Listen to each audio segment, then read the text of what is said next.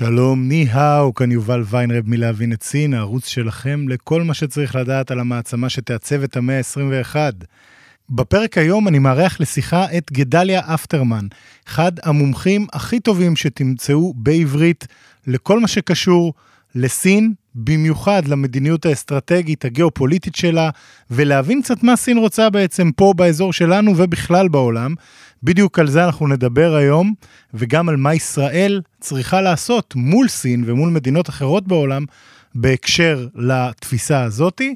אה, גדליה אפטרמן הוא ראש תוכנית מדיניות ישראל-אסיה במכון אבא אבן לדיפלומטיה באוניברסיטת רייכמן. אה, איש עם עבר והיסטוריה עשירה והרבה מאוד ידע שהוא חולק איתנו כאן בנדיבות. בטוח שיהיה מעניין, תהנו.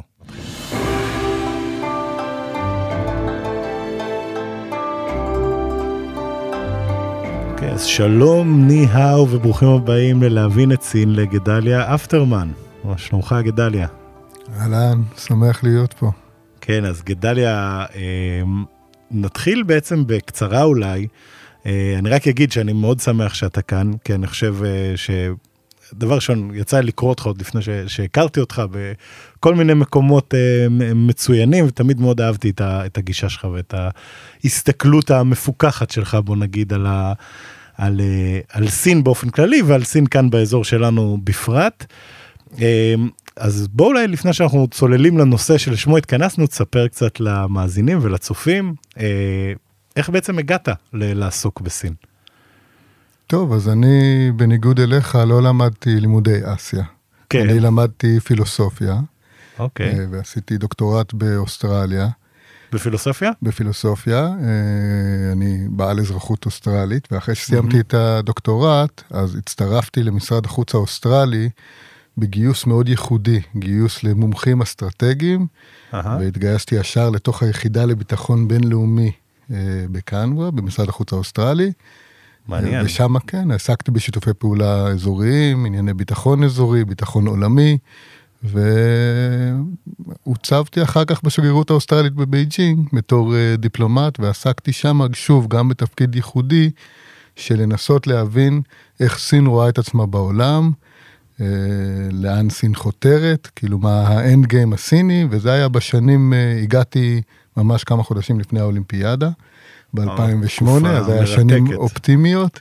כן. והייתי שם uh, עד uh, סוף 2011, אז הייתה תקופה מאוד מאוד מעניינת, כי סין הייתה באמת במין נסיקה. נכון. Uh, אז זה היה הבסיס שלי מבחינת להיכנס לסין, אני הגעתי מהכיוון האסטרטגי. לא מהכיוון הסינולוגי. למדת פילוסופיה, דוקטורט בפילוסופיה שלא קשור לפילוסופיה סינית? כאילו... אה, בלי קשר לפילוסופיה סינית, הדוקטורט שלי עסק בהשפעה של רעיונות דתיים על המציאות הפוליטית. מעניין. אבל התפקידים הספציפיים האלה הם חיפשו אנשים שיכולים אה, כן. לנתח ולהבין את המציאות מזווית אחרת. מסר לבצלאל סמוטריץ' שמציע לקצץ בכל התוכניות אה, למדעי הרוח וכאלה, שכדאי מאוד למי שרוצה לחשוב אסטרטגית ולהבין דברים בצורה רחבה, לשמור על הדברים האלה. באוסטרליה כנראה מבינים את זה אה, קצת יותר טוב.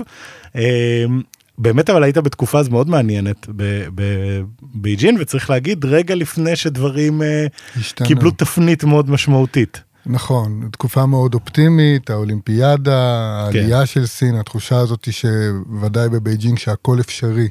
כן. ארץ האפשרויות הבלתי אה, מוגבלות באיזשהו מובן. נכון. אני עזבתי אה, בדיוק כמה חודשים לפני ששי ג'ינפינג אה, עלה על השלטון. ידעת אה, מתי לצאת, כמו שאומרים. כן, אה, תזמון טוב, כן. אבל העיסוק שלי בסין לא הפסיק. אחת הסיבות אה, אחרי בייג'ינג החלטתי אה, לבוא לארץ, לחזור לארץ, לעלות כן. בשנית לארץ, איך שנרצה לקרוא לזה. Okay. בין אוקיי. היתר כי חשבתי שבישראל אה, נדרשת חשיבה אחרת על כל העניין הזה שהמשמעות של העלייה של סין בעולם, המאבק בין המעצמות ובכלל החשיבה אה, על אסיה.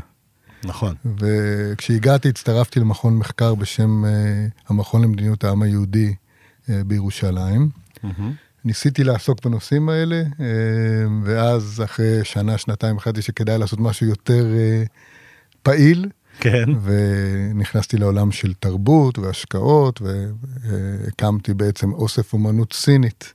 או, אה, בבייג'ינג, בהונג קונג, ביליתי לא מעט שנים על הקו מעניין, וזה נתן טוב. לי הזדמנות לגלות את סין מזווית uh, אחרת, של הצעירים, של האומנות, של מעניין. הכסף. אומנות מודרנית או אומנות כן, עתיקה? אומנות עכשווית. זו תקופה גם שהאומנות הסינית ממש התפוצצה בעולם נכון, כזה. נכון, אז שוב, היה לי מזל מבחינת הטיימינג, וזכיתי mm-hmm. ללמוד ולראות את סין מהזוויות האלה, כן. של קולות אחרים. עשינו דברים שאי אפשר לעשות היום בסין, מבחינת תערוכות, מבחינת תערוכות כן. אפילו ברחוב. אה, וכולי. אה, אפילו פרסמנו בזמנו ספר אוסף וקראנו לו Capturing the Moment. וואלה, שזה היה... מדויק מאוד, בעיקר בראייה לאחור, מה שנקרא. כן, אה, אבל בסוף החלטתי שהעולם הזה של אסטרטגיה, של מדיניות, של דיפלומטיה, הוא בעצם העולם שבאמת מעניין אותי. כן. ואז לפני כמה שנים הקמתי את התוכנית למדיניות אסיה, במכון אבא אבן לדיפלומטיה באוניברסיטת רייכמן.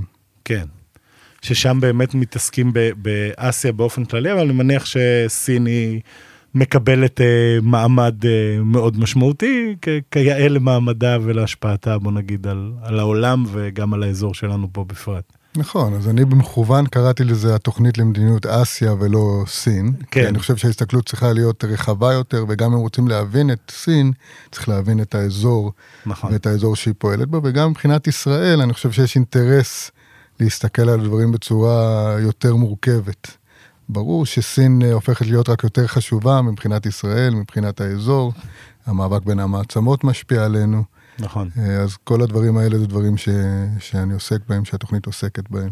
בהחלט, וזה באמת גם הדברים שנעסוק בהם פה בפודקאסט היום, ובאמת כל הנושא הזה, אני חושב שזה מאוד חשוב להבין את, ה, את המדיניות של סין ואת איך שסין רואה את המרחב שלה, שהרבה פעמים עוזר להבין גם את למה היא תומכת בכל מיני דברים, כבעצם איזושהי דרך to counter, בוא נגיד, דברים שקורים אצלה באסיה מצד מעצמות אה, מסוימות שלא שייכות למרחב מבחינתה, אה, והרבה פעמים סין גם מנסה ליצור איזושהי השפעת נגד במקומות אחרים, אז נ, נרחיב עוד על כל הדברים האלה, אבל בוא נתחיל, אה, כי קשה להתחיל עם משהו אחר בימים אלה, אה, בשביעי לאוקטובר.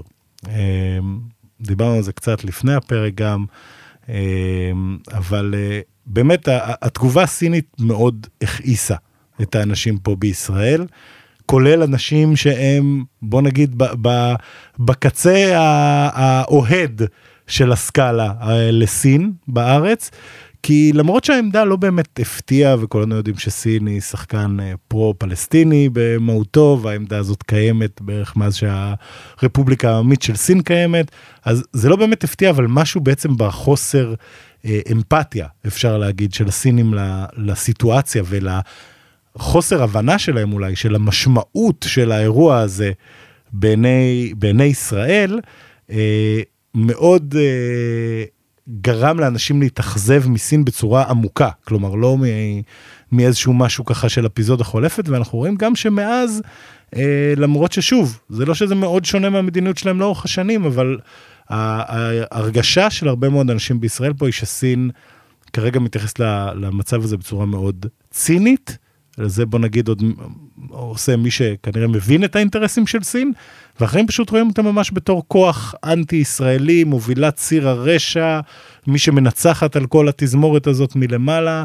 אה, אז האמת היא, כמו תמיד, אף פעם לא באחד מהקצוות, אבל בוא תספר לנו אולי, גדליה, מהמקום שלך, אה, איך אתה ראית את התגובה הסינית לאירועים של השביעי באוקטובר אוקטובר ולהתנהלות שלהם מאז? אז קודם כל, אה, אני מסכים איתך, אני חושב שהרבה מאוד אה, בישראל התאכזבו אה, מהתגובה הסינית, אפילו אלה שלא הופתעו. כן. בוא נגיד ככה, אני חושב שבהתחלה היה אולי חוסר הבנה בצד הסיני לגבי המשמעות של השביעי באוקטובר בישראל. כלומר, כן. אנחנו חווינו את זה כ-9-11, אה, כאסון אה, לאומי, ובסין הם ראו את זה אה, כעוד סבב, חלק כן. מהסכסוך הישראלי-פלסטיני, ואם אנחנו מסתכלים על הצורה שהם הגיבו, אז באופ... בגדול הייתי אומר שהם הגיבו בצורה די קונסיסטנטית. כן. Uh, כפי שהם מגיבים תמיד לנושאים האלה של, ה... Mm. של הנושא הישראלי-פלסטיני, במיוחד בשנים האחרונות. מה שאנחנו רואים בשנים האחרונות, זה שסין uh, משתמשת בנושא של הסכסוך הישראלי-פלסטיני כדי למצב את עצמה, בשני מובנים. אז צריך להבין, כשסין מסתכלת על, ה... מסתכלת על הסכסוך, לא מעניינים אותה לא הישראלים ולא הפלסטינים. נכון. מה שמעניין אותה זה א', המיצוב שלה באזור, איך כן. בעולם הערבי, בעולם המוסלמי, אה, וב', איך היא ממטב את עצמה ויזה וי או מול ארצות הברית. כן. וזה שני המרכיבים של החשיבה שלה, ודאי בשנים האחרונות. מה שראינו אה, בנגיד שלוש-ארבע שנים האחרונות, ככל שהמתח עם ארה"ב גבר, זה שסין השתמשה יותר בסכסוך כדי לתקוף את ארה"ב. כן. ומבחינתה, מה שקרה פה, ראינו שבשבוע הראשון אחרי השביעי באוקטובר, סין הייתה מאוד פסיבית. כמעט mm-hmm. לא אמרה שום דבר, אמרה דברים מאוד כלליים, קראה להפסקת אש. סתם מין קופי פייסט כזה של התגובה של אה, שומר חומות או משהו כזה, כן, לא... כן, נגד לא פגיעה לא... באזרחים, כמובן כן. שאחד הדברים שמאוד uh, עצבנו אותנו בישראל, זה שהם לא, לא רק שהם לא גינו את החמאס, הם גם לא הזכירו את החמאס כן, אפילו. כן, כן. Uh, אבל מבחינתם הם קראו, הם כאילו רצו להיות מאוד... Uh, בלנסט. כן. הם רוצים להגיד, אנחנו לא עם אף אחד, אנחנו חברים של כולם, כן. אנחנו אפילו תאורטית יכולים להיות מתווכים, נכון? וצריך לזכור כן. שבבילדה, בחודשים לפני, היינו במין תהליך כזה שסין ניסתה למצב את עצמה כמתווכת במזרח התיכון. במרץ היה לנו את, ה, את החידוש היחסים בין ערב הסעודית לאיראן, נכון. שזה תיווך סיני.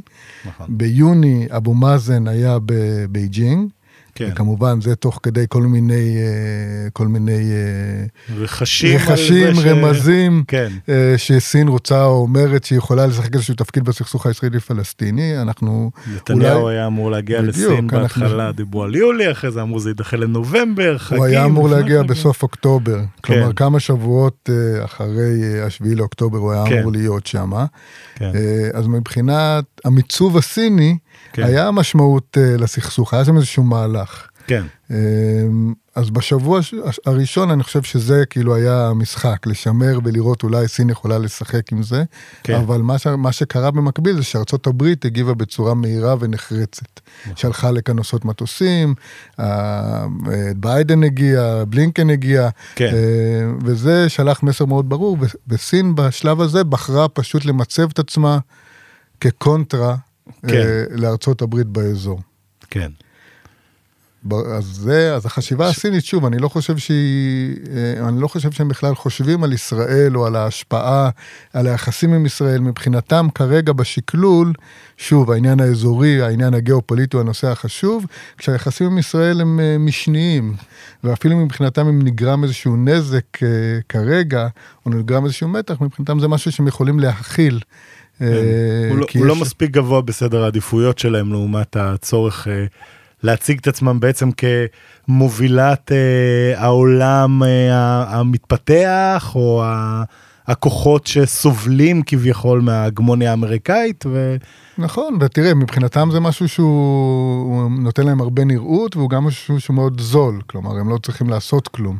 כן. הם, זה עניין הצהרתי, הם אומרים, אנחנו נגד הרג אזרחים, אנחנו בעד הפסקת אש, מי לא מסכים כן. עם זה? כן, אה, כן. בעולם, כן. נכון? זה הצהרות כאלה ש, שנשמעות טוב לכולם, אבל, אבל הם לא צריכים להתחייב לשום דבר. אז מבחינת הסינים, הם הלכו על הגישה... הכי פסיבית שהם יכולים מצד אחד, ומצד שני כזאת שנותנת להם הכי הרבה קרדיט.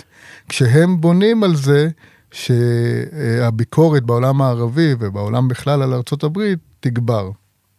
וראינו גם את זה, באמת, ראינו באמת גם קורה. את זה. אה, אני באופן אישי, בשבועות הראשונים של המלחמה, אה, חשבתי שסין כן יכולה לשחק תפקיד קצת יותר משמעותי.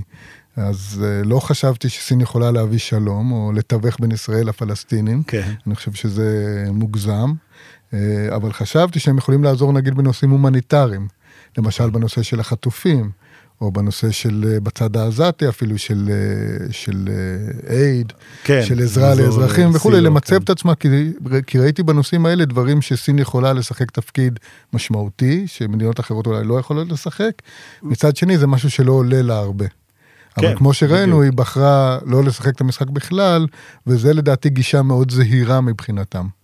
כלומר, כי החשש הוא שאפילו אם הם ייקחו צד כמתווכים, למשל, ב, כמו שקטר יודעת לקחת צד עכשיו, אז מה, מה החשש מבחינתם? שייפגע המעמד שלהם בתור תומכי הצד האנטי-האמריקאי כביכול, או... אני חושב שהחשש העיקרי שלהם זה כישלון.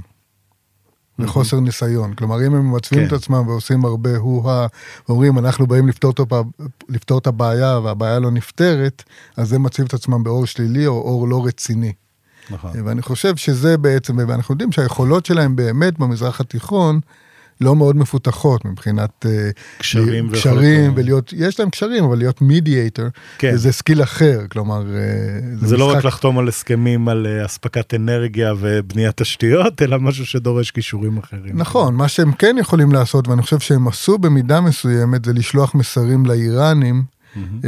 לשמור על איזושהי יציבות, או לא לפוצץ את המשחק לגמרי. שזה, שזה נושא מעניין בפני עצמו, כי זה באמת נכון משהו שבשיחות, אני חושב בין, אה, זה נאמר בין אה, ביידן לשי, או היה דיבור כזה, שזה אחת הבקשות כביכול מהצד האמריקאי, והסינים אמרו, זה כבר עשינו, בלי קשר לבקשה שלכם.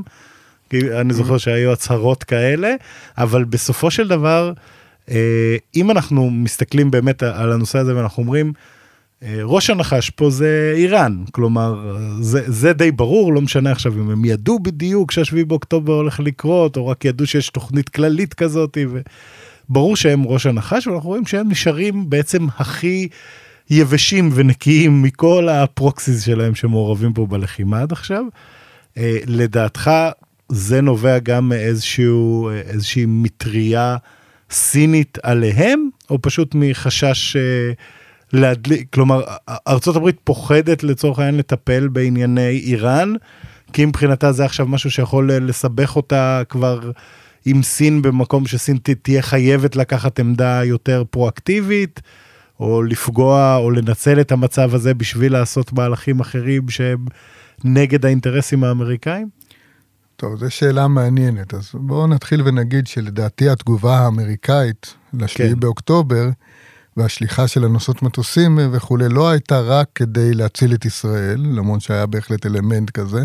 כן. ולא הייתה רק כדי להכיל את חיזבאללה או למנוע מתקפה, אלא הייתה בהחלט עם חשיבה כלפי הנוכחות הסינית באזור.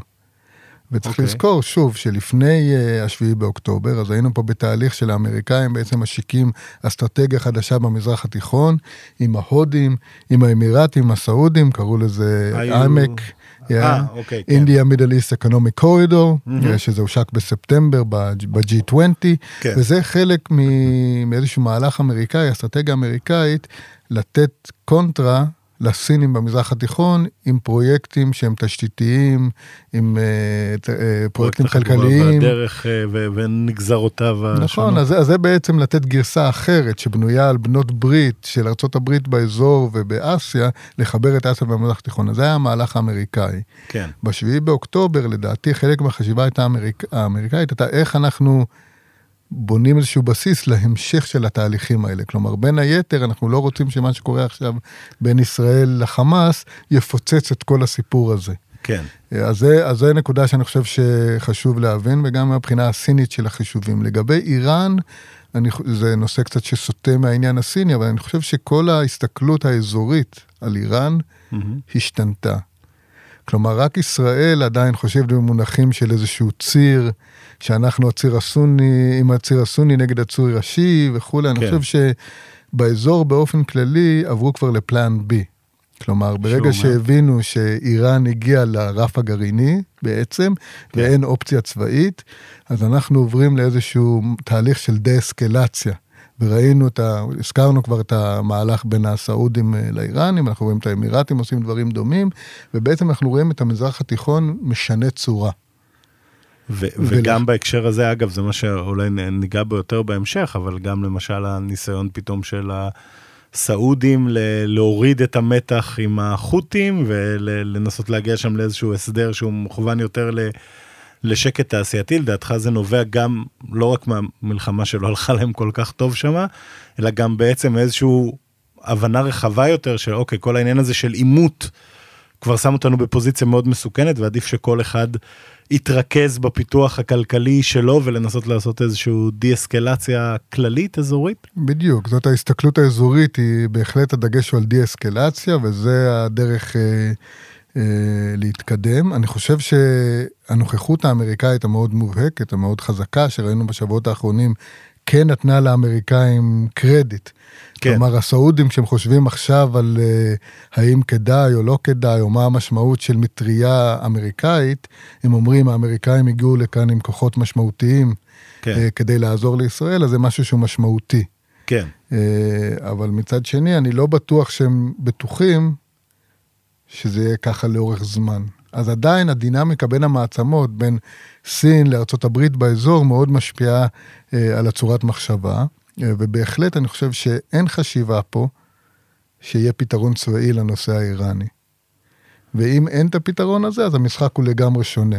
ולכן יש, יש ניסיון לתחום, א', אנחנו רואים קריאות להפסקת אש באזור ולכל מיני מהלכים אזוריים, כן. וב', לעצור בחות'ים ולא לנסוע לאיראן. כן.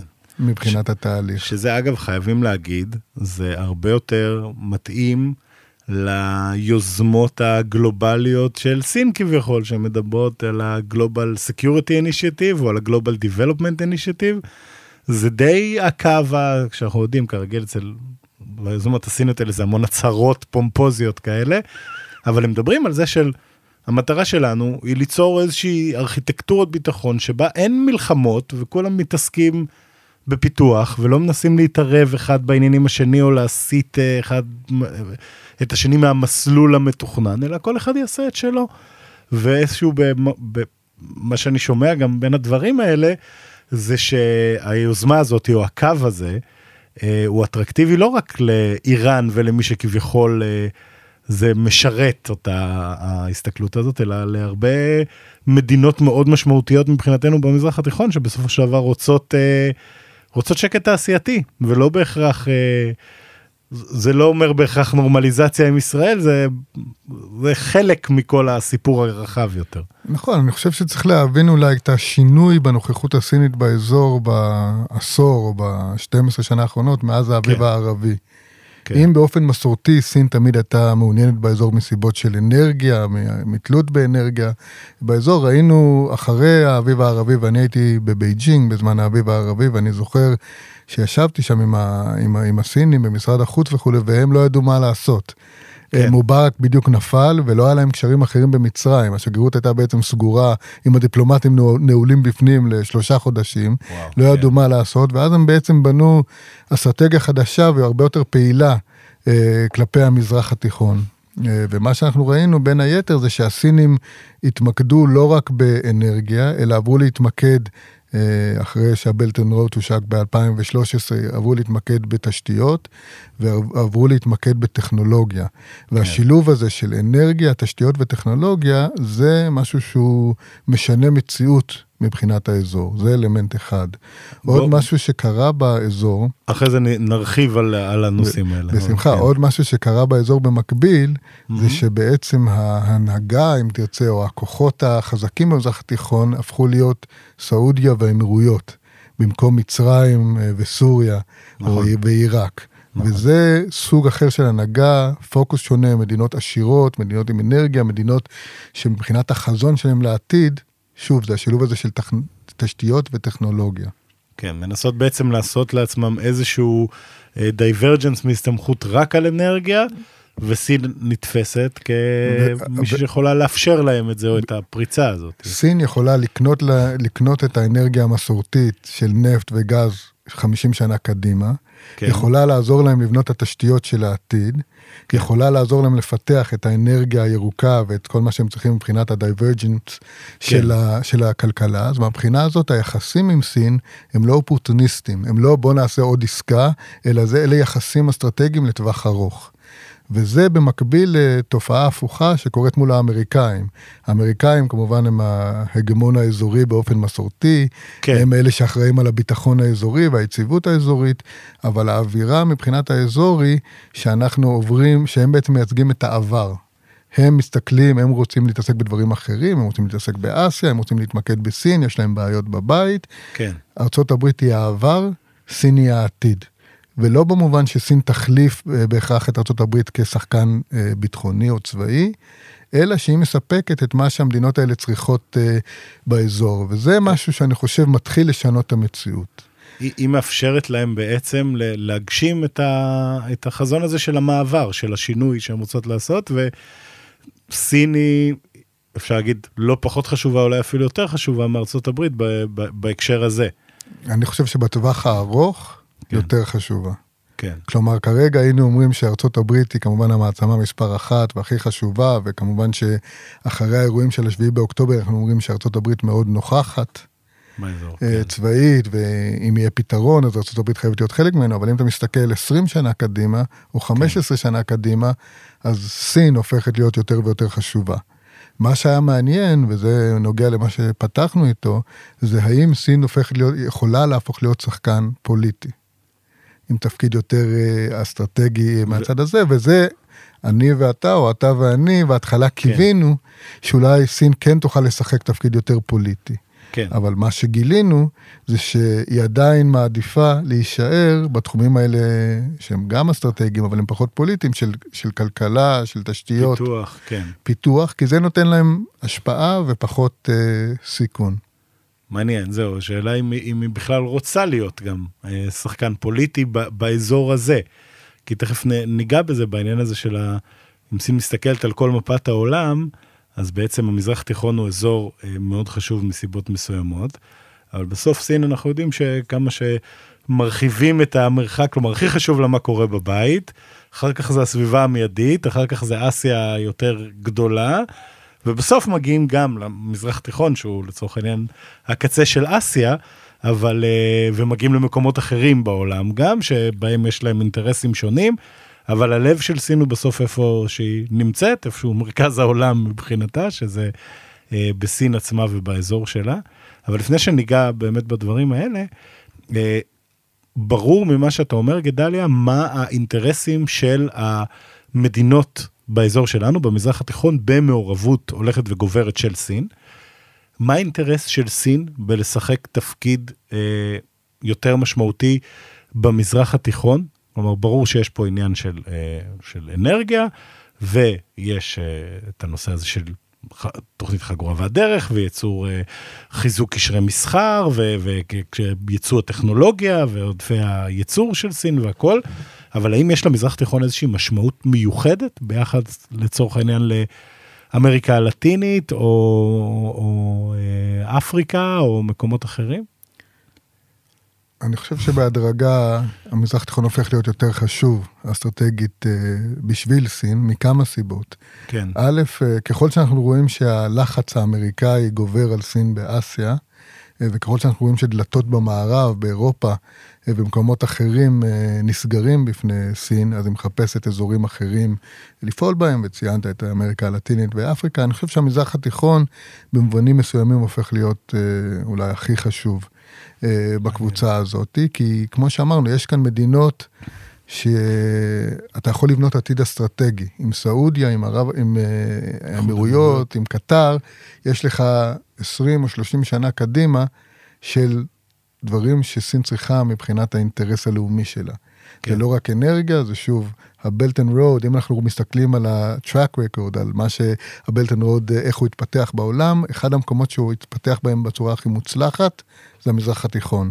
נכון. יש את ה Digital Silk Road, חגורת... אה, חגורת, החגורה, הדרך הדיגיטלית. כן, הדרך הדיגיטלית, אה, ששוב, אחד המקומות שבהם זה עובד, זה במפרץ. ובמזרח התיכון, המדינות פה, שרובם אגב הם מדינות שהן בעלות ברית של ארה"ב, כן. תלויות לגמרי, או מפתחות יחסים מאוד קרובים עם סין אה, בנושאים האלה, וזה בניגוד ש... למגמות במערב. כלומר, אם במערב אנחנו רואים שארצות הברית אה, אה, ומדינות אחרות יש פושבק כלפי וואווי ו-5G וכל הדברים האלה, כן. במפרץ, במזרח התיכון, סין רק הופכת להיות יותר ויותר מעורבת. ומהבחינה הזאתי, שוב, אם סין מחפשת כן לפתח איזשהו חזון mm-hmm. אה, עולמי, אז אחד המקומות שבהם זה אכן לובש אה, צורה, זה, אה, זה במפרץ. מעניין, כי גם בעצם יש פה משמעות, אחת סיבות הרי שארה"ב נותנת את כל הפושבק הזה, כמובן יש פה גם אינטרסים אה, כלכליים וכאלה, אבל בסוף זה שליטה במידע. וכשאתה נותן את, ה, את רשתות התקשורת המרכזיות שלך, בעיקר 5G, אבל גם יש את כל הדיבורים על כל אה, הסיבים התת-ימיים ודברים כאלה שסין מנסה להגביר את הפריסה של סיבים שלה. כשהדברים האלה, אה, בעצם המדינות של האזור שלנו, של המפרץ הפרסי והמזרח התיכון, signing up לסיפור הזה, אה, זה איפשהו שם אותם בתוך ספירת ההשפעה הסינית. מעבר ל, ליחסים הכלכליים. כלומר, יש פה איזושהי מחויבות קדימה של בעצם זה שאתה מוכן ללכת עם, ה, עם השותף הזה, וצריך להגיד, להפקיד ב, בידיו את המידע שלך, כי זה, אז... זה יהיה תמים ל, לחשוב שזה רק עניינים כלכליים, בוא נגיד, שגורמים לארה"ב לרצות ש... כל המידע של רשתות התקשורת תהיה מספקים ידידותיים מבחינתנו. נכון, אז קודם כל צריך להבין, א', אני מסכים, אבל כמו שאמרתי לך, אני חושב שכשהמדינות האלה מסתכלות על העתיד, הן כן. רואות את סין הרבה יותר משהן רואות את ארצות הברית. אז יש כאן איזושהי החלטה אה, אסטרטגית במובן מסוים. אה, ודבר שני שצריך להבין, כשאתה מסתובב באבו דאבי או בריאד, הם לא רואים את סין כאיום. כן. אין להם את התפיסה האמריקאית או המערבית כלפי סין של חשש. כן. הם רואים בעיקר הזדמנות. נכון. ולמשל, אנחנו שוכחים עכשיו, אני אגיד בתקופת הקורונה, אה, בעלת הברית העיקרית שלהם, שהייתה ארצות הברית, נעלמה. לא נכון. לא הייתה שם, לא סייעה להם, לא... ו... כן. וסין היא זאתי שהביאה את כל הציוד, סין הביאה שם את החיסונים הסיניים, כן. פיתחו אותם, ניסו אותם במזרח התיכון, אה, באמירויות זה היה המקום הראשון שייצרו גם את החיסון הסיני. נכון. אז כלומר, שם יש נרטיב שונה אה, לגבי היחסים עם סין. וכמו שאמרתי, לדעתי היחסים הם כבר לא פוט, אה, עניין של הזדמנות. כן. אלא זה עניין אסטרטגי, וחלק מההחלטות האלה הם צופי פני עתיד מבחינת uh, המדינות האלה, ו- וכנ"ל מבחינת סין. כלומר, סין רואה יח- ביחסים האלה יחסים אסטרטגיים, ושוב, זה לא רק עניין של מסחר, אתה רואה תהליכים מאוד מעניינים למשל של ההתפתחות של ה-SEO, Shanghai Cooperation Organization, כן. או של הבריקס, כן. כשהדגש הוא על שילוב של מדינות מהמזרח התיכון ומהמפרץ. וזה חלק מיצירה של גוש כן. אה, גלובלי אחר, או קונטרה לגוש המערבי. נכון. אה, וזה מעניין מאוד. מדינות המפרץ, מה שהדבר דיוק אחד שהייתי עושה זה שמדינות המפרץ לא מחפשות לבחור בין הגושים, אלא הן מחפשות לעבוד עם כולם, עם שני הגושים, להרוויח מכולם. כן. אבל מבחינה נגיד אמריקאית זה יוצר בעיה. כי איך אתה מפריד? ראינו דוגמה מאוד מעניינת לזה בנושא של המטוסי הקרב, של ה-F-35. כן. אחד מהפרסים, או אחד מהדברים שהאמירויות היו אמורים לקבל אה, בתמורה לחתימה על הסכמי אברהם, זה היה את ה-F-35, כן. והאמריקאים אמרו, מצוין, עכשיו חתמתם, ניתן לכם, מגיע לכם, אה, אבל יש לנו תנאי אחד, שתוותרו על ה-5G של חוואווי, כן. והאמירתים אמרו, עזבו, נישאר עם ה-5G. וזה אפילו מה... על חשבון אפילו על חשבון הדבר הכי חשוב ביותר, כן. מבחינתם אסטרטגית. כלומר, העניין כן. הביטחוני הוא העניין הכי חשוב, אנחנו רואים שינוי בסדר העדיפויות. מעניין. אה, של המדינות האלה שהטכנולוגיה והעתיד מנצחים או גוברים על הנושא הזה של, ה, של המסורתי ועל הביטחון. מעניין. ואני חושב שמבחינתנו זה דורש איזשהו שינוי מחשבתי. לגמרי. מה, אז בוא באמת ניגע בזה. איזה שינוי מחשבתי לדעתך אה, ישראל צריכה לעשות כשאנחנו רואים את כל השינויים האלה פה מסביבנו מבחינת אה, סדר העדיפויות? ואני לא מדבר כרגע אפילו דווקא בהכרח מול סין, אלא בכלל, מבחינת ההסתכלות שלנו על, ה, על מארג האינטרסים פה באזור ועל ההנחות שלנו. אז אנחנו צריכים להבין, א', אם באמת השכונה האסטרטגית שלנו זה המפרץ, כן. וזה, שם אנחנו חותרים להרחבה של הסכמי אברהם, ליחסים עם סעודיה, אנחנו צריכים להבין שהנטייה שמה היא לכיוון של עולם אה, מולטיפולרי.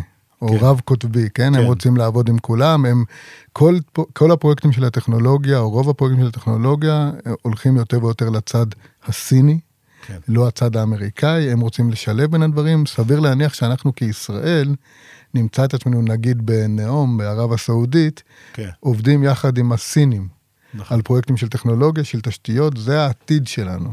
כן. עכשיו, אנחנו יכולים לדבר הרבה על יחסי ישראל-סין, אפילו על יחסי סין-ארצות-הברית-ישראל, כן, על המשולש, כן. איך לנהל אותו ומה זה אומר, אבל כל השיחות האלה הם העבר. העתיד הוא אזורי. כן. איך אנחנו מתנהלים באזור שמושפע מהמאבק הזה בין המעצמות, כשאנחנו כישראל שחקן די חלש בו. כן. אז גם כשאנחנו רוצים להשפיע על המעצמות, ישראל, הקלפים שלנו הם לא, לא חזקים ולא משפיעים במיוחד. אגב, בין היתר בגלל שאנחנו באופן מובהק בצד אחד, ואנחנו לא משחקים מסיבות אה, שאפשר להגיד שהן מוצדקות מאוד, כן? אבל בסופו של דבר כל המדינות האלה, חלק מה... מהיתרון האסטרטגי שלהם בעולם הזה, זה שהן יודעות לשחק בין האינטרסים של סין לבין האינטרסים של ארה"ב, אבל לפעול למען האינטרסים שלהם, ולא בהכרח להיות מחויבים לצדד בצד מסוים ולפעול נגד האינטרסים שלהם לפעמים, כי אתה נדרש לצדד באחד הצדדים מול הצד השני. נכון, אנחנו רואים, שוב, אני חושב שזה, שלישראל אין הרבה ברירות, וכשאנחנו נכון. רואים מה שקרה בשביעי לאוקטובר, זה גם מאוד מוצדק, כן? כן? אנחנו רואים מי לצידנו ומי לא לצידנו, אבל צריך לראות את זה גם בקונטקסט, שה, שאם אנחנו משווים את היחס של סין לישראל מלפני חמש שנים, מ-2017, מ-2018 לעכשיו, הייתי אומר שישראל הופכת להיות פחות אטרקטיבית מבחינה סינית. שזה כשה... למה לדעתך, מדליה? כי ב-2017 ו-2018 הפוקוס הסיני היה על, בעיקר על טכנולוגיה. כן. ועל הטכנולוגיה הישראלית, וזה במקביל לזה שהתחיל מלחמת הסחר והמתחים עם ארה"ב גוברים, אז הסינים ראו בישראל אה, מקור אלטרנטיבי לטכנולוגיה. כן. אה, וברגע, בעקבות לחצים אמריקאים וכל מיני סיבות אחרות, שהתברר שבעצם ישראל לא באמת תספק כנראה את כל מה שהסינים רוצים, כן. אז הערך אה, של סין, של ישראל בעיניים סיניות יורד. בכל מקרה, היחסים כן. הבילטרליים בין ישראל לסין אף פעם לא היו רק היחסים הבילטרליים. פעם היינו מדברים על זה שישראל יכולה להיות גשר לארה"ב, כן. או משהו אחר, תמיד היה איזשהו ערך מוסף לאזור. כן, בסוף בעיניים סיניות, וזה אנחנו רואים גם אה, בהקשר של השביעי לאוקטובר, מה שהתחלנו לדבר עליו.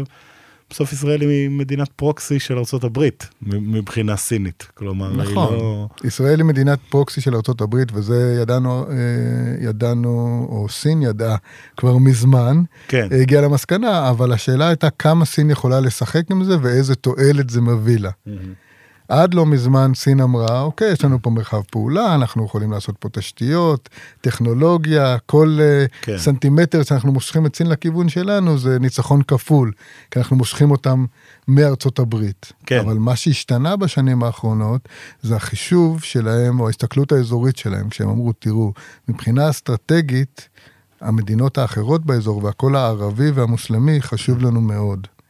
והיות וישראל לא באמת נותנת לנו יותר מדי, אז... השימוש שלה כקלף לנגח את ארצות הברית, הערך שלו יותר גבוה. מועיל לנו יותר מאשר מה שאנחנו יכולים להרוויח בילטרלית. ואפילו אם אנחנו קצת, שוב, גורמים קצת נדק ליחסים, זה לא משהו שאי אפשר לתקן אחר כך. כן. זה לא שלישראל יש איזה שהם מנופים עלינו, ואנחנו כן. מרוויחים מול השחקנים שיש להם יותר חשיבות אה, מבחינתנו.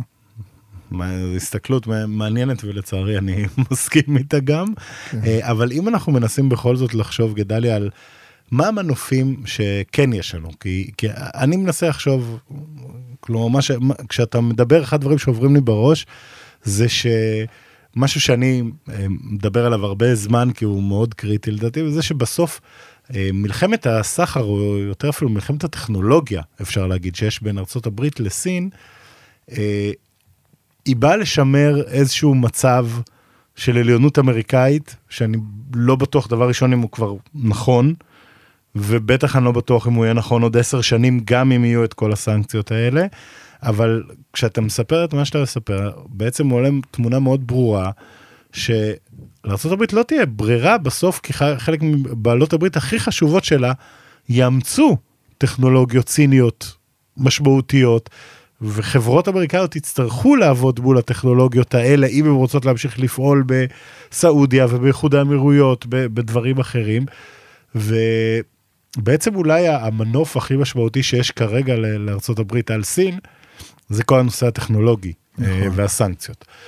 אז האם יש באמת לדעתך איזושהי דרך שבה אה, הברית וישראל כישות עצמאית, או כמדינה 51, איך שנרצה להתייחס אליה, האם יש לנו דרך להפעיל מנופים על סין בשביל לגרום לה להיות שחקן ספציפית באזור הזה, שיותר משרת את האינטרסים שלנו כישראל, דבר ראשון, כי אנחנו בסוף מי שחיים פה, אבל גם של ארצות הברית באזור?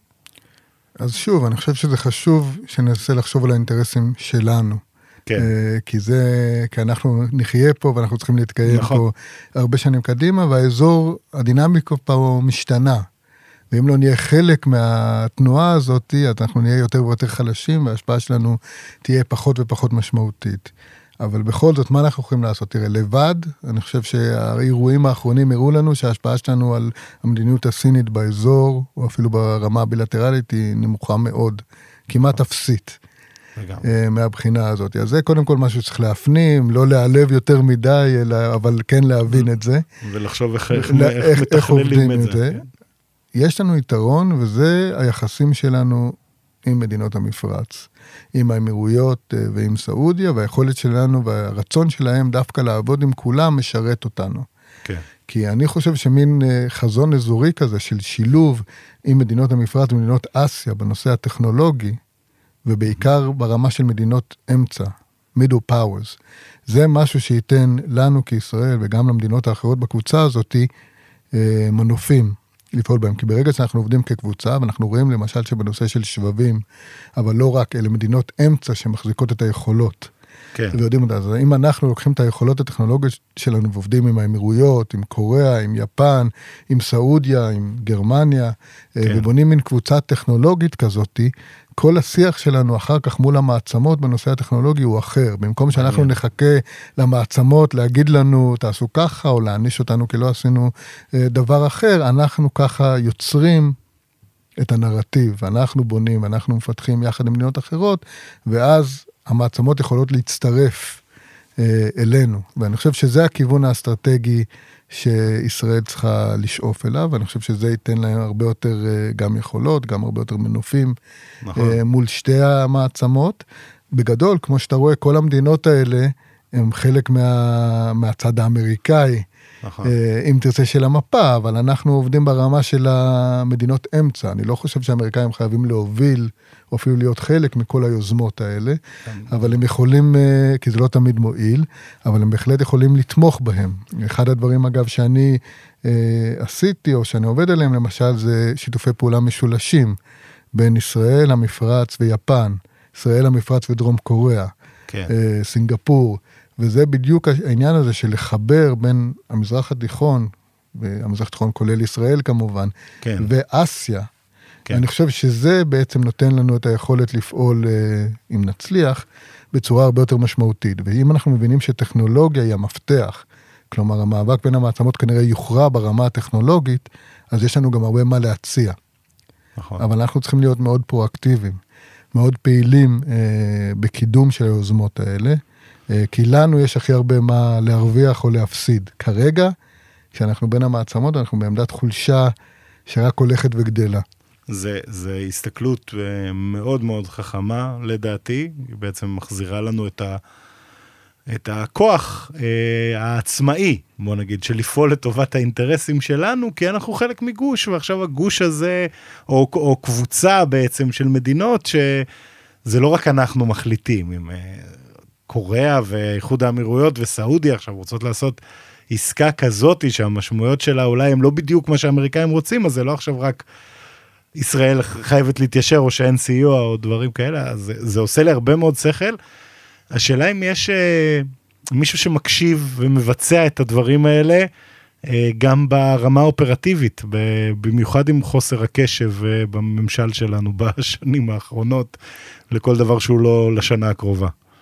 אני חושב שיש יותר קשב uh, בתקופה האחרונה. כמובן שהאירועים uh, בחודשים האחרונים והמלחמה לוקחים את הדברים לכיוון אחר, אבל אני חושב שדווקא עכשיו אנחנו צריכים להבין את התמונה הגדולה ולהבין איך הדברים uh, משפיעים. זה שיש עדיין את הנכונות, למשל, של מדינות האזור לעבוד איתנו, uh, זה מפתח מאוד חשוב מבחינה עתידית.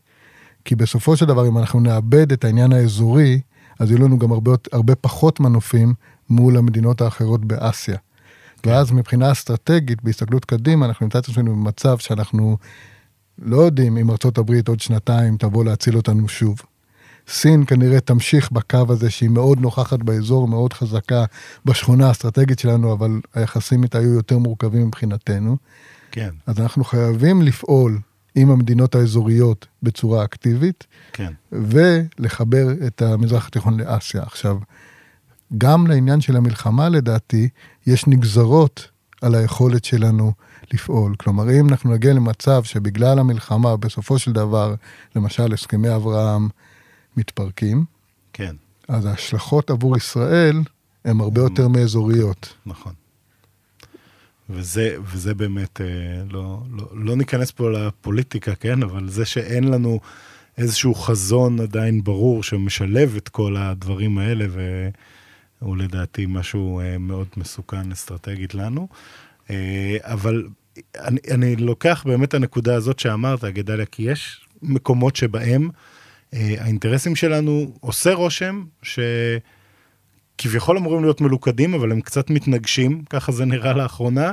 אולי המקרה הכי בולט שעובר לי בראש כרגע זה החות'ים בתימן, שבעצם אה, חוסמים את הכניסה ל, ל, לים האדום ולים סוף. אה, מונעים ממצרים הכנסות מאוד מאוד קריטיות עבורה, משבשים את כל הסחר העולמי. אה, הם כביכול ארגון שסעודיה ואיחוד האמירויות שהזכרת, אה, נלחמו איתו עד לא, ממש לא מזמן.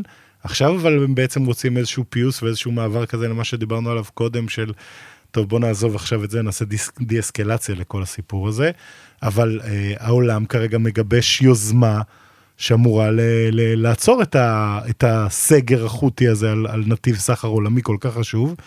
ועל פניו כאן אמור להיות התלכדות אינטרסים של כולם, גם כי הסעודים והאמירתים, מעבר לזה שהם עכשיו אולי מנסים לעשות די-אסקלציה שם, חות'ים הם בעיה עבורם בהרבה מאוד מישורים.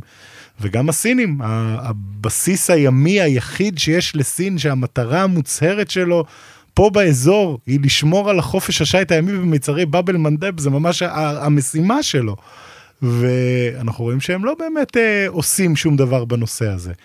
אז האם ההתלכדות אינטרסים הזאתי היא משהו שאנחנו יכולים איכשהו לגרום לה בכל זאת לצאת אל הפועל, או שכרגע האינטרס הצער הסעודי או האמירתי הוא לעשות די אסקלציה, ואנחנו צריכים אה, לסבול עם התוצאות, כי, כי אנחנו לא יכולים לוותר על העניין הזה. אז קודם כל, באמת חשוב להזכיר שלפני כמעט בדיוק 15 שנה, הסינים יצאו לפעולה אה, האנטי-פיירסי, האנטי-פיראטית הראשונה שלהם, וזה משהו כן. שהם... מקפידים אה, לספר ולהבהיר כמה הם אה, חלק מה... כמה אכפת להם משלום אה, בינלאומי, שלום אזורי, כן. חופש שיט, הסינים עצמם מספרים שהם השתתפו באלפי, יותר משבעת, ליוו יותר משבעת אלפים ספינות, גם מעבר לחופי סומליה וגם אה, במפרץ אה, עדן, בדיוק האזורים כן. שאנחנו מדברים עליהם. אז כמו שאתה אומר, היית חושב שלסינים יש אינטרס, לא רק אינטרס מובהק, אלא גם יכולות וגם נוכחות להיות חלק מהיוזמה הזאת, וגם שמענו בימים האחרונים שהאמריקאים אכן אומרים שהם ישמחו. למעורבות סינית בנושא הזה. שוב, אני חושב שהבעיה כרגע היא שבין המעצמות, הדברים הם מאוד uh, משחק סכום אפס, שחור כן. או לבן, או אתם או אנחנו. אם ארצות הברית רוצה את זה, אז אני בהכרח לא רוצה את זה. כן, או אולי עדיף לי לראות את ארצות הברית דווקא משקיעה את המשאבים, ואנחנו כן. יכולים uh, לא, לא, לא, לא, לא להתערבב בזה או לא להסתבך בזה. מצד שני... במיוחד שהם לא נראה שהם באמת ישלמו מחיר uh, דיפלומטי או גלובלי על העניין הזה שהם לא משתתפים. מצד שני, אני חושב שיש כמה סיבות לכך שהסינים אולי כן השתתפו. הראשון, שאנחנו רואים בחודשים ובשבועות האחרונים התחממות ביחסים בין סין לארצות הברית, ראינו את המפגש בין uh, שי וביידן uh, לאחרונה בסן כן. פרנסיסקו, וגם אנחנו רואים, uh, כן, זה כן נושא שמאוד אכפת לסעודיה, לאמירויות, הם כן רוצים למצוא לו פתרון, וכולם כן רוצים להימנע ממלחמה אזורית, כולל סין. כן. ולכן אני חושב שאני כן יכול לדמיין, או כן יכול לראות נסיבות שבה הסינים אה, כן, משחקים איזשהו תפקיד, גם סימבולי מבחינת אה, כוחות וגם אה, דיפלומטי מבחינת לחצים על איראן, או כן. אפילו איזה שהם שיחות או מסרים לחות'ים עצמם, כי אלה הם קשרים מוגבלים עם החות'ים לפחות. כן. אתה, אתה כל פעם שואל אותי, ואני חושב שזו חשיבה מאוד ישראלית, כן. שאני מבין אותה, מה אנחנו יכולים לעשות. אז כן. שוב, אני לא חושב שישראל יכולה לעשות כמעט כלום. אה, בנסיבות כן. האלה. אנחנו לצערי כרגע שחקן יחסית חלש, אבל אנחנו צריכים להיות שחקן ערמומי. בדיוק. כלומר, אנחנו ו... יכולים לפעול מול הסינים או במישור האמריקאי, כן. זה מנוף מאוד יעיל בדברים מסוימים, או במישור האמירתי אה, או הסעודי אה, גם. כלומר, אם הייתי רוצה לשכנע או לעודד את הסינים לעשות משהו שמשרת את האינטרס שלי, הייתי עושה את זה כנראה דרך אבו דאבי. במובן מסוים. בדיוק, אגב, אני רק וושינגטון. אגיד, בדיוק לזה אני מתכוון, כי דווקא כשאין לנו את המנוף לחץ הישיר על הסינים, מה שעולה לי מאוד בבירור זה שאנחנו לא עשינו הרבה מאוד מהלכים חכמים מבחינה דיפלומטית גלובלית, מעבר לאזור שלנו ובהסתכלות קצת יותר רחבה. זאת אני חושב די עובדה, כלומר גם אם יש יוזמות כאלה הם לא באמת הגיעו לאיזשהו אה, פרוישן אה, משמעותי. והשאלה שלי בכל זאת, אנחנו מסתכלים, דיברנו על איחוד האמירויות, דיברנו על סעודיה, אז סבבה, הם מדינות מאוד משמעותיות גם בגלל האנרגיה שלהם ודברים כאלה, אבל בסוף הן יודעות ל- ל- להשיג השפעה דרך מחשבה על האינטרסים שלהם ועל איך הם מפעילים כל מיני מנופים שהם לא בהכרח שלהם, אבל הם יודעים לעבוד על, על דברים מסדר שני וסדר שלישי, בשביל ליצור איזושהי תמונת מצב שהיא יותר רצויה להם. אז כשאני מדבר על, על, אה, על מה ישראל צריכה לעשות, זה, זה בסוף לא, אנחנו עכשיו צריכים להפציץ את עדן ו, ולכופף את הסינים, ו, אלא איך באמת אנחנו יוצרים איזושהי ארכיטקטורה כזאת שיותר משרת את האינטרסים שלנו. כי, כי אני רק אגיד עוד דבר אחד אחרון, ארצות הברית יש כל הזמן את הדיסוננס הזה, ארצות הברית מצד אחד הוכיחה את עצמה כ- כבעלת הברית הכי נאמנה שיכולה להיות, אין לנו אף אחת בעולם שתוכל להחליף אותה, זה ברור, ומצד שני אנחנו די מסונדלים לאינטרסים האמריקאים, אז השאלה אם אפילו ברמת הקליברציה של דרך מדינות uh, צד שלישי, ליצור לארה"ב איזשהו אינטרס לשנות גישה למשהו שמשרת האינטרסים שלנו גם יותר. אני לגמרי מסכים לגבי היחסים עם ארה"ב, ובמיוחד כן. אחרי השביעי לאוקטובר. אם הייתה הפתעה, אולי זה היה דווקא התגובה האמריקאית, לא הסינית, כן. אה, במובנים מסוימים, אבל צריך להבין שגם זה יכול להשתנות. יש בחירות בארצות הברית, האווירה באופן כללי, ודאי בקרב הצעירים, היא לא כל כך לטובתנו. בדיוק, ראינו סקרים מזעזעים על הדעות של הצעירים במיוחד. זה, זה דברים שעלולים להשפיע, אז אם אנחנו מסתכלים שנה או שנתיים או חמש שנים קדימה, זה משהו שאנחנו צריכים לקחת בחשבון. ואולי אפילו לעשות את הדבר המוזר הזה שאף אחד לא באמת עושה בישראל, של להסתכל גם 20 שנה קדימה, ולחשוב מה קורה כשהחבר'ה האלה, ש-60% מהם חושבים שמדינת ישראל לא צריכה להתקיים ולומדים באוניברסיטאות הכי טובות בארצות הברית, כבר יהיו חבר'ה שאולי הם במוקדי כוח, אולי לא, לא יהיו הנשיא עדיין כנראה, אבל כבר יהיו אנשים שיכולים להשפיע על המצב. וישראל צריכה היום לחשוב כבר על איך היא בונה פה נכון, משהו. ולכן זה מחזיר אותנו לחשיבה הזאת על העבודה בקבוצות. כן. לעבודה על יצירה של קבוצות, של בריתות כאלה עם מדינות האזור, עם מדינות אחרות באסיה, כי גם מול מדינות אסיה, מול יפן, מול קוריאה, הערך שלנו ברמה הבילטרלית הוא מוגבל.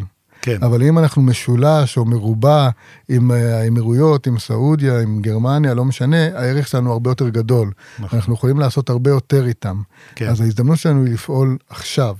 ליצור כן. את המשולשים, ליצור את המרובעים האלה. האמריקאים באים ואומרים לנו, תשמע, תשמעו, יש לנו צורך אסטרטגי ליצור את האיימק. כן, כן, את העניין הזה כן. עם ההודים. אנחנו אלה שצריכים להיות באופן פעיל לקדם את זה. בהחלט. כי מי שהכי ירוויח ממנו במובנים מסוימים זה אנחנו. כן. כי זה ממצב אותנו במשחק אחר. כן. עכשיו, אם, ו, ושוב, אז זה, אז כל החשיבה הזאת אני חושב היא מאוד מאוד רלוונטית, אפילו עוד יותר עכשיו, מלפני השביעי באוקטובר, ואנחנו צריכים להמשיך ולקדם את זה. אבל כדי לעשות את זה, אנחנו צריכים להיות במצב שהשיח מול השותפים שלנו הוא לא רק המלחמה. כן. ואנחנו בהחלט. כמובן עדיין לא שם. כן, ייקח כנראה עוד כמה חודשים, אבל הכיוון הזה הוא כיוון שאני מאוד מקווה ש, שיתפוס אה, יהפוך ל, ליוזמה אמיתית ולצורת חשיבה אסטרטגית. כנראה שיצטרכו קצת ל, באמת לפנות את הראש בקודקודים אצלנו למעלה, בשביל להתעסק בחזון של שנים קדימה ומה צריך לעשות בשבילו עכשיו, ולא רק... בחודש הבא ואיך אה, תופסים את סינואר. זה ייקח עוד קצת זמן, אבל נקווה שנגיע לזה בקרוב. אה, גדליה זה היה מרתק, היינו יכולים להמשיך, אני מניח, עוד, עוד שעה גם בכיף, אבל אה, אולי ככה למי שבאמת רוצה לשמוע קצת עוד, או לעקוב אחריך, חוץ ממנויים לניו יורק טיימס ולניקיי ול-CMP וכל כאלה שיצא לי לקרוא אותך, יש דרך לעקוב אחרי דברים שאתה כותב או מפרסם, דרך ה...